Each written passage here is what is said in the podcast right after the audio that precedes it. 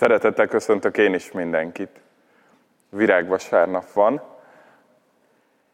és az en, e kapcsán olvasok majd mindjárt fel egy történetet a Bibliából, kapcsolódva a gyerekpercekhez, kapcsolódva a virágvasárnapi alkalomhoz. Keressük meg Bibliáinkba Lukács evangéliumát, a 19. fejezetet, és a 45-östől a 48. versig tartó szakaszt olvassuk el együtt.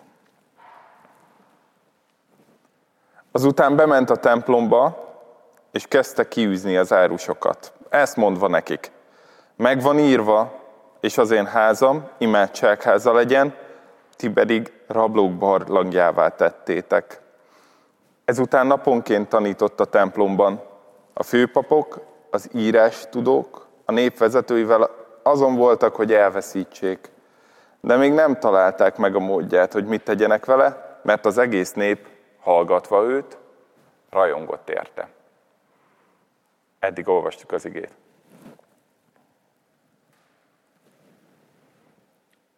Egy kérdést szeretnék most feltenni mindenkinek, akár azoknak, akik kis létszámban itt ülnek, akár azoknak, akik otthon hallgatják most ezt, egy jó kávéval a kézben, vagy akár azoknak, akik később nézik, vagy hallgatják vissza ezt a prédikációt, akár azoknak, akik telefonvonalon keresztül hallgatják most az üzenetet.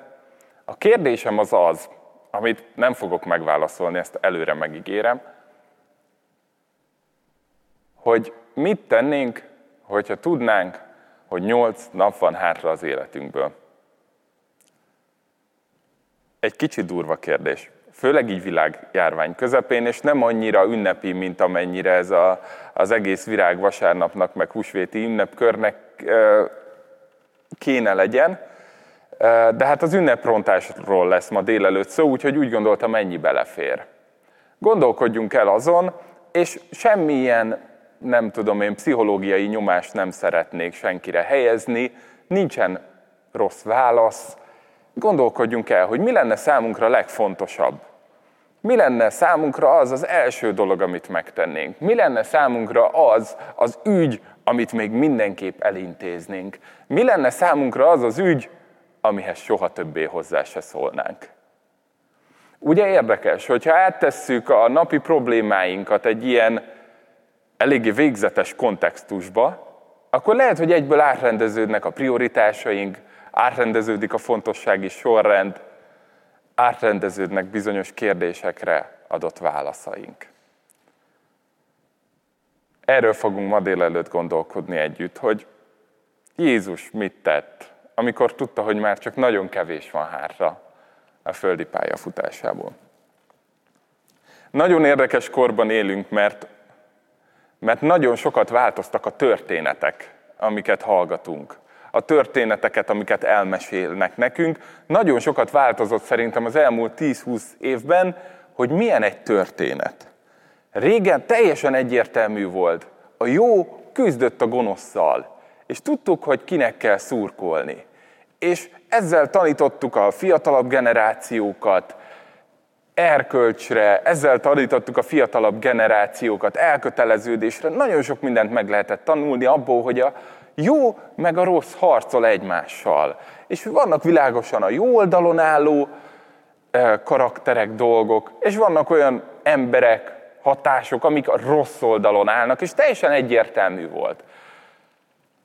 Maximum annyi kis részlet kúszott bele, hogy ugye a jók azok eleinte nem voltak annyira jók, vagy nem tudták, hogy annyira jók, vagy hogy tudnának ők jók is lenni, ugye a legkisebb királyfi. Egy ellenfejlődés során eljut oda, hogy rájön, hogy mire is képes igazából, és kihozza magából a legjobbat. Akkor voltak olyan főellenségeink, olyan gonoszaink, akik eleinte talán nem voltak benne biztosak, hogy ők lesznek a gonoszok, de aztán eljött az igazság, és ők lettek. Teljesen egyértelmű volt. Kinek kell szurkolni, ki mellé kell odaállni, kivel kell együtt érezni. És persze voltak olyan emberek, meg olyan gondolatok, akik megpróbáltak minden mesekönyvből minden rossz karaktert kivágni, az is egy megközelítés volt, de legalább tudtuk, merre hány méter. Na most ez teljesen felborult.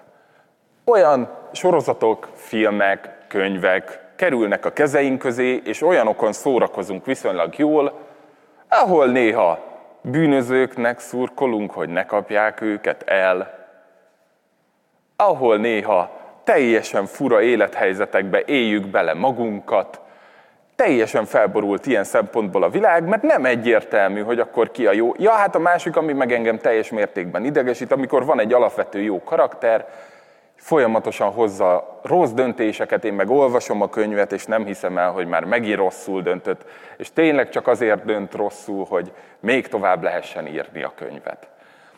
Ilyen bonyolult a világ. De Jézus az mindig egyértelmű volt. Tudtuk, hogy ő a jó. És hogyha megnézzük, hogy hogy ábrázolták őt az évszázadok folyamán, hogyha megnézzünk egy freskót, Jézus az esetek döntő többségében nagyon jó. Lória van a feje fölött, szépen frissen borotvált, meg van fésülve a haja.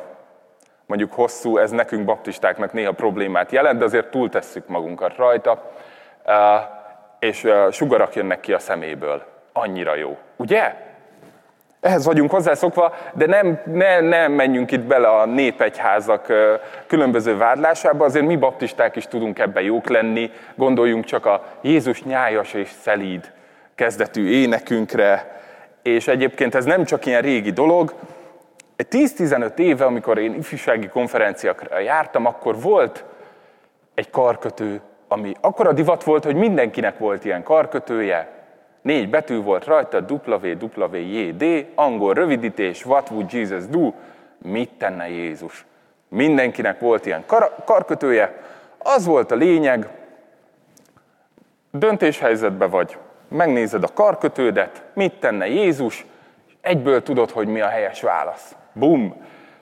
Ez azért nem sokkal jobb, mint a Jézus nyájas és szelíd. Szerintem ugyanaz a kategória, úgy ugyanúgy visszanézve, nyilván segíthet nekünk, hogyha belegondoljuk magunkat, beleképzeljük magunkat, de hogyha jól belegondolunk, aki megcsinálta ezt a karkötőt, meg ezt a mozgalmat, nem biztos, hogy számolt azzal, hogy a lehetőségek tárháza tartalmazza az asztalborogatást, az ostorcsapkodást, meg az emberek elzavarását.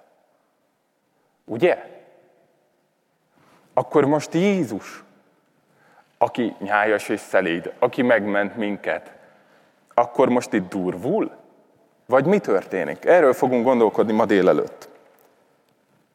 Felmerjük-e tenni azt a kérdést, hogy mit tenne Jézust, hogyha tudjuk azt, hogy ő néha fölborítja az asztalt?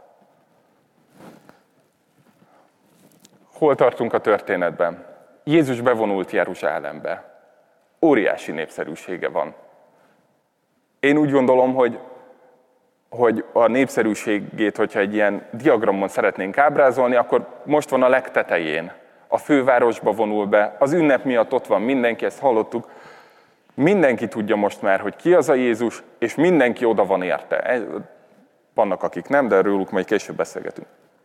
Mindenki oda van érte. Nagyon népszerű, ott van a fővárosban, ünneplik őt és Jézus meghirdeti a programját. Ugye amikor megválasztunk egy kormányt, vagy bármelyik országban megválasztanak állami vezetőket, akkor általában ez a vezetőség kijön a száznapos programjával. Hogy mi az, amit az első száz napban megcsinálunk. Ami végül is jó, mert több, mint egy ígéret, egész jól számunk kérhető, százig majdnem mindenki el tud számolni. És Jézus is itt meghirdeti a száznapos programját, és az az érdekes, hogy egyáltalán nem logikusan viselkedik. Nem népszerű intézkedéseket hoz, nem azt olvassuk, hogy akkor meggyógyít mindenkit a tömegben. Nem azt olvassuk, hogy akkor nem tudom én, ráveszi a gazdagokat, hogy adják oda a szegényeknek a vagyonukat. Nem is azt olvassuk, hogy megdönti a római birodalom zsarnokságát, amire egyébként titkon mindenki a várt ott a tömegben, hanem Jézus rendet csinál. Jézus ünneprontó. Jézus a bulifúró. Ott van egy, egy nemzeti ünnep, egy gyönyörű pillanat, mindenki ünnepi lázba ég, mindenki készülődik, és akkor Jézus, ahogy a János evangéliumában egyébként le van írva, ostort von. Ugye, a jó és a rossz harca. És akkor mi megvárjuk, hogy itt mi fog történni, meg mi van az egész mögött, és mert hogy fölülhetne a trónra, a képzeletbeli trónra, a, fölülhetne a népszerűségre, de, de Jézus nem ezek a szempontok vezérlik. Mi vezérli Jézust? Szerintem kettő dolog. Jézus úgy kezdi, egy mondata van ebbe a textusban Jézusnak, és úgy kezdi, meg van írva. Jézus küldetésbe van. Jézusra rá van bízva egy feladat, és ő azt végig fogja csinálni. Nem hagyja meg a népszerűség, meg a hozsánázás. Nem téríti el attól, amit neki tennie kell. Meg van írva ez a profécia, én most benne vagyok a tervbe, én most rajta vagyok azon az úton, amit az én atyám kijelölt, akkor végig csinálom. És nem az számít, hogy éjjeneznek körülöttem, vagy nem az számít, hogy utána keresztre feszítenek, hanem az számít, hogy meg van írva. És akkor itt van az első pont, amikor megállhatunk. A mi életünkkel kapcsolatban is amúgy, ha őszinték vagyunk, elég sok minden meg van írva. Ez vezérel minket.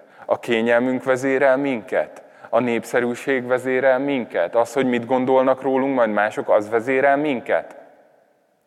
Jézus példát mutatott. Meg van írva, ő ment előre. Nem lehet kizökkenteni. Nem érdekli a hype. És hogyha visszalapozunk a Bibliánkba mondjuk ilyen 4-500 évet, és megnézzük, hogy mi van megírva, akkor még érdekesebbé válik az egész.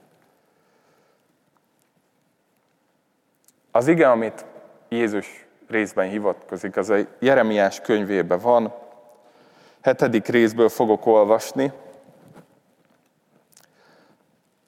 Ezt mondja az Úr a népnek, profétán keresztül. Ti hazug szavakban bíztok, amelyek semmit sem érnek, loptok, gyilkoltok, paráználkodtok, hamisan esküztök, a Baálnak idejött, bocsánat, a Baálnak tömjéneztek, és más isteneket követtek, akiket nem ismertek. Azután idejöttök, és megálltok előttem ebben a házban, amelyet az én nevemről neveztek el, és azt mondjátok, megszabadultunk. De azután ugyanazokat az utálatos dolgokat követitek el. Vajon rablók barlangjának nézitek ezt a házat, amelyet az én nevemről neveztek el? Nagyon komoly probléma volt az, hogy bizniszé vált a megszabadulás. Nagyon komoly probléma volt az, hogy az eredetileg kitalált üdvösség útból zsivásárt csinált a nép. De Jézus arra is utal ezen túl, hogy nem feltétlenül a vásározás a legnagyobb probléma, hanem még nagyobb probléma, hogyha az Isten házát arra használjuk, hogy oda megyünk, megszabadulunk, aztán megyünk, és csináljuk ugyanazt tovább. Jézus ezért is borogat asztaltán. És nagyon szomorú ezt látni, hogy az emberek nem javulnak. Ezek több száz éves problémák. És hogyha őszinték vagyunk, lehet, hogy most már több ezer éves problémák. És Jézus erre mondja azt, hogy elég volt. Jézus rendet tesz. És most négy aspektusáról szeretnék beszélni ennek a rendtételnek. Kettő, a közeli, közvetlen, zsívvásározós aspektus, kettő pedig a távoli, történelmen átívelő aspektus. Az első, Jézus szerintem azért tett rendet, mert van olyan, hogy rend. Most 2021-ben legalább szerintem kevésbé vagyunk biztosak abban, hogy mi a rend. Elég sok olyan hatás ér minket, ami, ami azt közli, és azt próbálja rajtunk érvényesíteni, hogy nincs rend. Nincs olyan, hogy rend, mindenki boldoguljon, mindenki oldja meg, mindenki találja ki mindenki találja ki a maga rendjét, és éljen úgy, hogy ez a rend lehetőleg másik rendeket ne zavarjon. Jézus szabadságot teremtett, de ez a szabadság akkor tud működni, akkor tud gyümölcsözni, hogyha a szabadság mögött rend van. És Jézus itt deklarálja, hogy szerinte van olyan, hogy rend. Második, Jézus azért tesz rendet szerintem, mert Tudja, hogy a tanításhoz tiszta tér kell. Az épüléshez megtisztulás kell. Az építkezésről beszélünk most már hetek óta itt a gyülekezetben, és nem tudom, kivet már felújítandó házat. Most nem is olyan régen olvastam az egyik közösségi oldalon egy ilyen felújítós csoportban egy kétségbeesett bejegyzést, hogy hát vettünk egy házat, de kiderült, hogy a födém nem jó, ránk fog szakadni, lehet, hogy le kell bontanom az egész tetőt, lehet, hogy segítsetek, mit csináljak. Ahhoz, hogy építkezni tudjunk, ahhoz, hogy felújítani tudjunk, fel kell mérni, hogy ami a helyszínen található, az használható ez egyáltalán. Nem olyan régen ugye volt egy beszélgetés Mikes Balázsjal az épületnek a különböző szakaszairól, az építkezéseiről, és ő mondta, hogy ahhoz, hogy kiderüljön, hogy tudunk-e a pincébe még lejjebb menni, hogy tudunk-e a pincébe új dolgokat beépíteni, nehéz dolgokat, ahhoz le kellett ásni, meg kellett nézni, hogy mik az alapok. És utána tudtuk eldönteni, hogy ez az alap elbírja-e.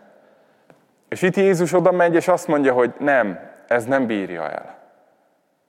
Itt én tanítani szeretnék, itt én adni szeretnék nektek. De azt így nem lehet. Azt nem lehet úgy, hogy közben itt lehúzzátok egymást, meg zsibvásár van, meg visszaéltek azzal az egész isteni rendel, ami egyébként elég jó ki volt találva. A harmadik, kicsit elvontabb oldala ennek a történetnek, hogy Jézus itt elindít egy folyamatot.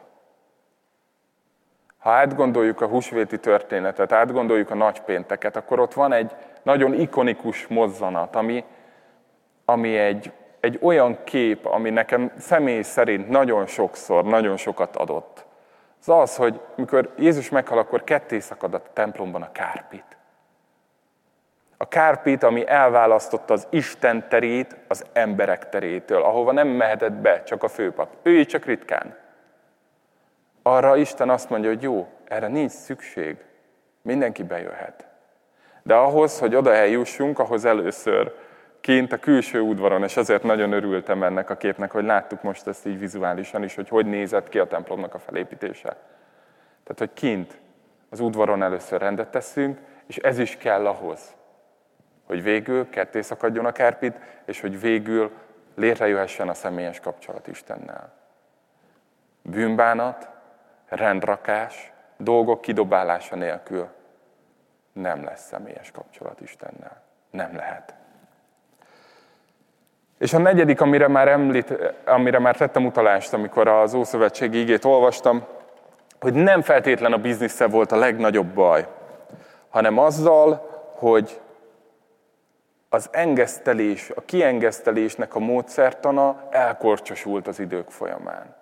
Az, hogy a legjobbat odaadjuk áldozatként, a lehető legjobbat, az első zsengét. Abból az lehet, hogy majd valamit veszünk az udvarba. És az indukálta azt, hogy abból zsivvásár lett, abból csalás lett, abból veszekedés lett, abból, abból valami istentelen dolog lett. Az a nép már nem a templomban, meg nem Istenben hitt, hanem a formátumba. Kicsit, mint egy ilyen zenegép, hogy bedobjuk a huszast, kérünk egy számot. És Jézus ezért fonta meg azt az ostort. Ezért is. És most itt mutogathatunk újjal arra a népre, hogy fú, azért mi, mennyire, mennyire gázul viselkedtek, de hogyha végignézzük a kereszténység történetét azóta, egészen a napjainkig, nagyon könnyen bele tudunk esni ebbe a kísértésbe. Nagyon könnyen vissza tudunk kerülni ugyanebbe a, ebbe a vakvágányba. A búcsú cédulák. Ugye? Hogyha kifizetünk, hogyha adakozunk eleget, akkor majd az üdvösségünk pipa. Ugyanez a rendszer. Aztán, hogy kicsit haza is beszéljek, a formalitások. Ugye? Onnan ismerjük föl, rendes baptista testvéreinket, hogy nyakkendő van rajtuk. Most rajtam nincs, tehát ez kicsit kellemetlen, de nem a nyakkendővel, meg nem a, a formákkal, meg az Isten jelenlétének a megtisztelésével van problémám, hanem mikor ez váltja föl az eredeti isteni szándékot, akkor van a gond. És hogy, akkor, hogy teljesen önkritikus is legyek, én nagyon sokszor a szolgálatba csavarodtam bele így. Úgy voltam, hogy én szolgálok, én megcsinálok mindent, én itt vagyok heti ötször, én zenélek, én megcsinálom, kiposztolom, ezt is megoldom, az, én mindent megoldok, ugye Istenem, ide néz, milyen jól csinálom. Ez pont ugyanaz, mint hogyha itt dollárt váltottam volna euróra itt kint az előtérbe. Teljesen ugyanaz, mert amikor a formátum átveszi az isteni elgondolás fölött a hatalmat, akkor jön Jézus azt borogatni. Jézus bejelenti egy korszak végét. Ő kapcsolatot szeretne, nem formaságokat. Ő tanítani szeretne. Nem, nem, nem ilyen mi haszna hádozatokat, amiket így fog összeszorítva oda teszünk elé. Ő kész arra, hogy rendet tegyen. Ha megvalljuk bűneinket, hű és igaz ő, megbocsátja bűneinket és megtisztít minket minden gonoszságtól. És ez a megtisztítás, ez nem mindig kellemes dolog ám. Ez van, amikor nagyon fáj. Nem jó érzés, mikor ránk borítják az asztalt.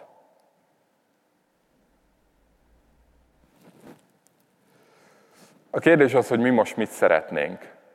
És amikor ezt a történetet elolvassuk, néha mindenkiben benne van a, a vágy, hogy na akkor most egy jó kis asztalborogatás.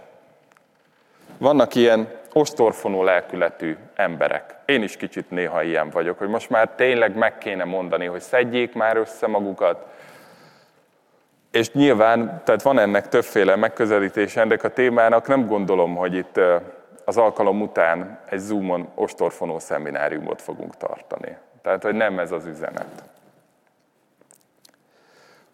Figyeljük meg, hogy Jézus mit tesz ezután. Jézus elkezd tanítani, és naponként tanít. Jézus kihasználta azt az időt.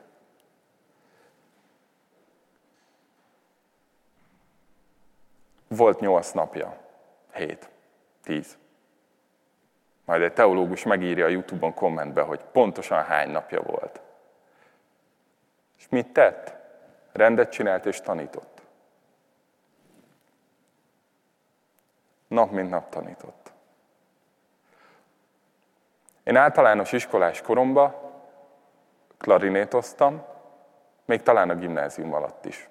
És egyszer találkoztam egy zenetanárral, egy ilyen, egy nagyon jó barát, azóta jó barátom lett a fia ennek a zenetanárnak, egy budafoki testvéről beszélünk, ott ugye nagy fúvós zenekaros élet is volt, és oda jött hozzám valamilyen énekari vendégszolgálat után, és kérdezte, hogy milyen hangszeren játszok. Mondtam neki, és kérdezte, hogy és milyen gyakran gyakorlok. Nem tudom, mi volt a válaszom erre, nem biztos, hogy most itt felvételre ezt rámondanám, mert ugye volt zenetanárom. Mondjuk ő általában tudta szerintem mennyit gyakorlok. Nem is ez a lényeg, hanem hogy mi volt erre a válasz. Az volt a válasz, hogy Danikám, minden nap kell gyakorolni, mert ha egy nap kimarad, azt utána nem fogod tudni bepótolni. És azóta persze hallom egy sportolóktól is, hogy az, hogy másnap kétszer annyit futsz, mint amennyit két nap futottál volna, hogyha az első napot kihagyod, az nem az. És ugyanígy a hangszertanulásnál nem lehet az, hogy ma nem gyakorlok, de holnap dupla annyit. Nem. Minden nap egy lehetőség, hogy gyakoroljunk. És Jézus naponként tanított. Minden nap van arra lehetőség, hogy tanuljunk Jézustól. És nagyon érdekes, mert itt lehet mindent mondani erre a népre. Meg látni fogjuk azt is, hogy ők hova jutottak el viszonylag rövid idő alatt. De azért azt kell tudni, hogy az is le van írva a Bibliába, hogy ők minden reggel, hajnalba, az volt az első dolguk, hogy mentek Jézust hallgatni. Úgy néz ki, hogy volt ott egy csomó ember, aki a népszerűségűen, meg a divaton, meg a tömegpszichózison túl fölismerte, hogy ez most egy olyan lehetőség, ami az első dolgom kell legyen, hogy reggel megyek, meghallgatom, mit mond Jézus. Ők nem biztos, hogy tudták, hogy mennyit hallgathatják még. De mentek, reggel. Mi megyünk reggel? Jézus itt van, naponként tanít ma is. Naponként tanít az igéből, naponként tanít az imádságon keresztül, naponként tanít a közösségeinken keresztül, még hogyha most ilyen fura formátumban is. Ha megyünk hozzá, vagy van fontosabb dolgunk? Ő naponként ott van.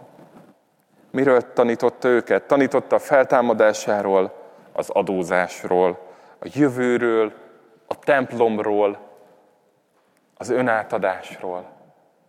Jézus fontosnak tartotta azt, hogy úgy hagyja ott ezt a népet, hogy megtegyen mindent azért, hogy tudjanak mindent ahhoz, hogy tudjanak vele kapcsolatban maradni. És hát muszáj beszélnünk egy kicsit a negatív szereplőkről is, mert mondtam, hogy minden történetben van negatív szereplő. Itt is van negatív szereplő. Úgy hívják őket, hogy a főpapok, az írástudók és a névvezetői azon voltak, hogy elveszítsék. Az érdekes a történetben, hogy ez az akkori politikai vezetésnek a három frakciója volt. A főpapok, az írástudók, meg a névvezetői. Három politikai pár, talán így jobban értjük. És összeállt az összefogás. Nem vitatkoztak. Összedolgoztak, hogy Jézust elveszítsék. És nagyon érdekes ez számomra, hogy Jézust ekkora hatást váltott ki még azokból is, akik ellene voltak, hogy félretették a köztük lévő teológiai, politikai, elvi különbségeket, összeálltak, hogy na majd jól lekomandozzák együtt Jézust. És nagyon érdekes ez számomra, hogy mi lett volna, hogyha ők fölismerik. Talán nekik kellett volna fölismerni, mert ők tudták az írásokat jobban, mint bárki. Hogy mi történik. Hogy ott zajlik a szemük előtt, amire nagyon-nagyon várnak. Nagyon-nagyon régóta. Hogy Jézus nem azért mondja, hogy meg van írva, mert nem tudom, ezzel akar hatást gyakorolni, hanem mert ez most az. És ők mégis fontosabbnak tartották azt, hogy ne sérüljön az ő tekintélyük, hogy ne sérüljön az ő pozíciójuk, hogy ne sérüljön az ő alkujuk, akár a római birodalommal, hogy maradjon minden úgy, ahogy volt. Mint hogy felismerjék azt, hogy kicsoda Jézus.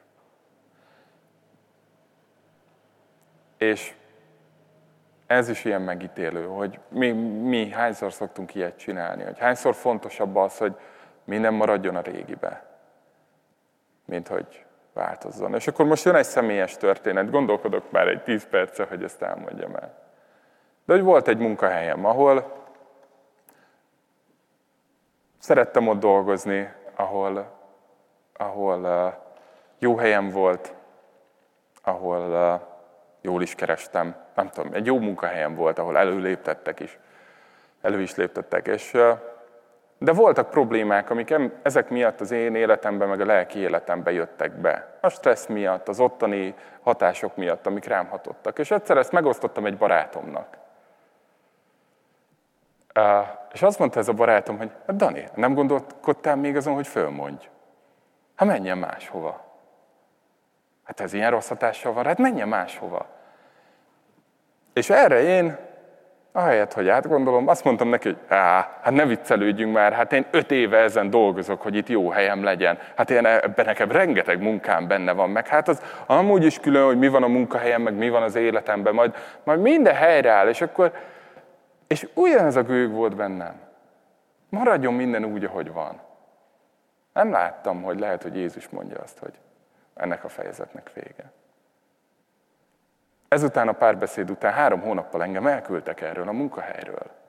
Jézus bejött az életembe, és fölborogatta az asztalt. És azt mondta, hogy ez így nem mehet tovább. És most már nagyon hálás vagyok ezért. De el kellett teljen egy évnek, hogy ezt megértsem, hogy itt ez történt. És még mindig rajtam van a felelősség, hogy újra beüzemelem a pénzváltó asztalokat, vagy megpróbálok beljebb menni egy légtérrel, és odaülni Jézus lábához, és hallgatni az ő tanítását. Minden nap döntés, minden reggel döntés. A tömeg meg rajongott érte. Rajongott Jézusért, kicsit úgy képzelem el ezt, mint egy, mint egy ilyen ifi tábort. Ott van mindig ez, hogy olyan normális mindenki, nincsenek ott a külső hatások, és úgy mindenki úgy közelebb kerül Istenhez. Mert egy olyan közösségbe vagyunk, ahol, ahol egymást építjük, ahol ki vannak zárva azok a hatások, amik, amik el tudnának minket téríteni, vagy a gondolatainkat. És ez az idill nagyon jó, de mit tudunk ebből most ma tanulni? Hogy mi, mi a rajongás? Most nagyon sok mindenkinek van nagyon sok rajongója. Tehát szerintem ezt most mi például 2021-ben sokkal jobban tudjuk, hogy mi a rajongás, mint akkor. Például, aki rajongó, az szeretné látni minél többször a rajongása tárgyát. Szeretné tudni minden lépését a rajongásának a tárgyának. Szeretne minden tudni, szeretne közel lenni. Emlékszem egyszer, mikor nagyon kicsi voltam, tehát nem tudom, 10-12 éves, akkor Budapesten jártunk egy kiránduláson, és pont akkor volt itt egy Forma 1-es futam, és az egész családommal ott vártunk valamelyik belvárosi szálloda előtt, hogy hát, ha le tudok fényképezni egyetlen Forma 1-es pilótát. Még nem is azt, akit szerettem, mert ő egy másik szállodában volt. Ez rajongás. Hogy rávettem egy egész családot, hogy ahelyett, hogy kirándulnánk, ott álljunk, nem tudom én, másfél órát. Ugye? Kicsit nevetséges. És akkor hogy rajongunk Jézusért? A nép ott rajongott. Szeretnénk vele közös képet a rajongásunk tárgyával. Ez most ilyen, ez tök modern dolog. De hogy Jézussal szeretnénk-e közös képet? Szeretnénk-e annyira hozzá közel lenni, hogy rajta legyünk? Vagy hogy mi olyanok legyünk, mint ők. Igen, vannak ilyen rajongások is, hogy olyan frizurát, vagy olyan szakkálat nyirat valaki, mint a rajongásának a tárgya. Na, nagyon érdekes ez a dolog. Nagyon sokat tanulhatunk belőle arról, hogy hogy kéne megközelítenünk, vagy hogy lehet megközelíteni Jézust. Csak hát ugye az a kérdés, hogy mi van utána. Mi van hétfőn? Mi van jövő héten? Mi van jövő vasárnap? És tudjuk, hogy a virágvasárnapnak a tragédiája az, hogy igazából nem Jézus volt az igazi ünneprontó ott, hanem az a tömeg, aki egy héttel később már feszizsmeget kiabált. Hogy folyik ez át? Hogy változhat? Mennyire volt akkor megalapozott ez a rajongás? Meddig, eddig tartott? Az emberiség emberi módszerekkel menthetetlen. Nem fogunk tudni megjavulni, még akkor sem, hogyha Jézus bejön és felborogatja az asztalt. Az emberiséget csak egy dolog mentheti meg, az pedig a kereszthalál. Mindegy, hogy Jézus asztalt borogat, mindegy, hogy bevonul, mindegy, hogy tanít, az nem volt elég. Neki meg kellett halnia. És megtette. Megtette azokért a pénzváltókért, azokért a galambárosokért, azokért a farizeusokért, azokért az írástudókért, azokért a rajongóiért, akik egy hét múlva már nem voltak a rajongói. És megtette, érted, meg értem is. Két kérdésem van. Az egyik, hogy kik vagyunk mi ebbe a történetbe?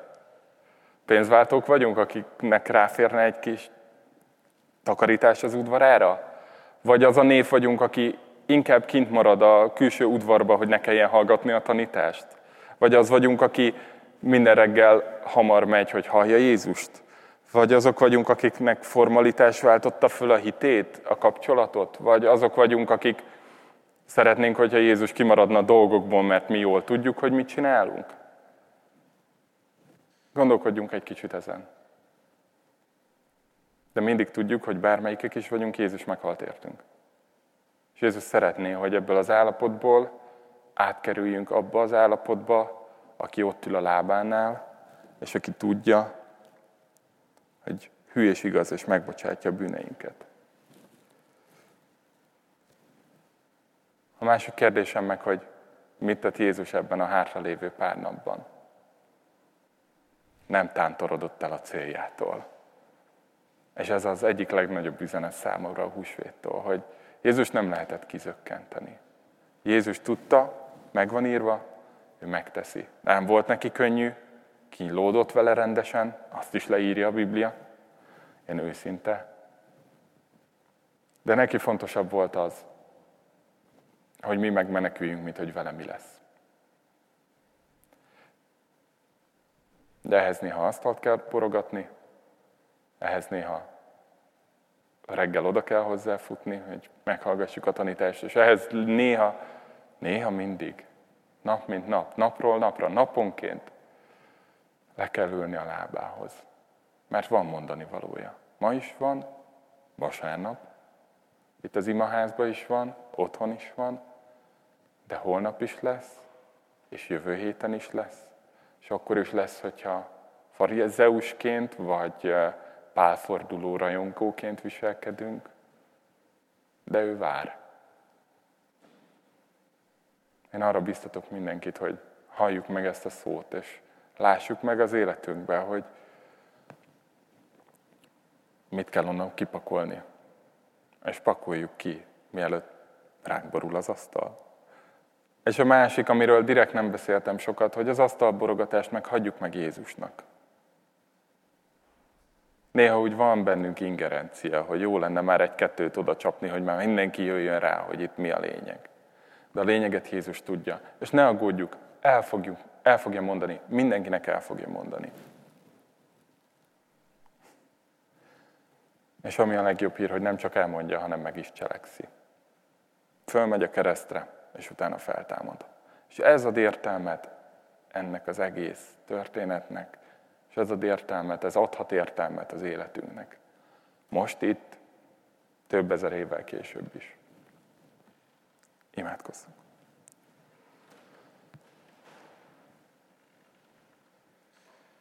Uram, hálát adok neked azért, mert uh,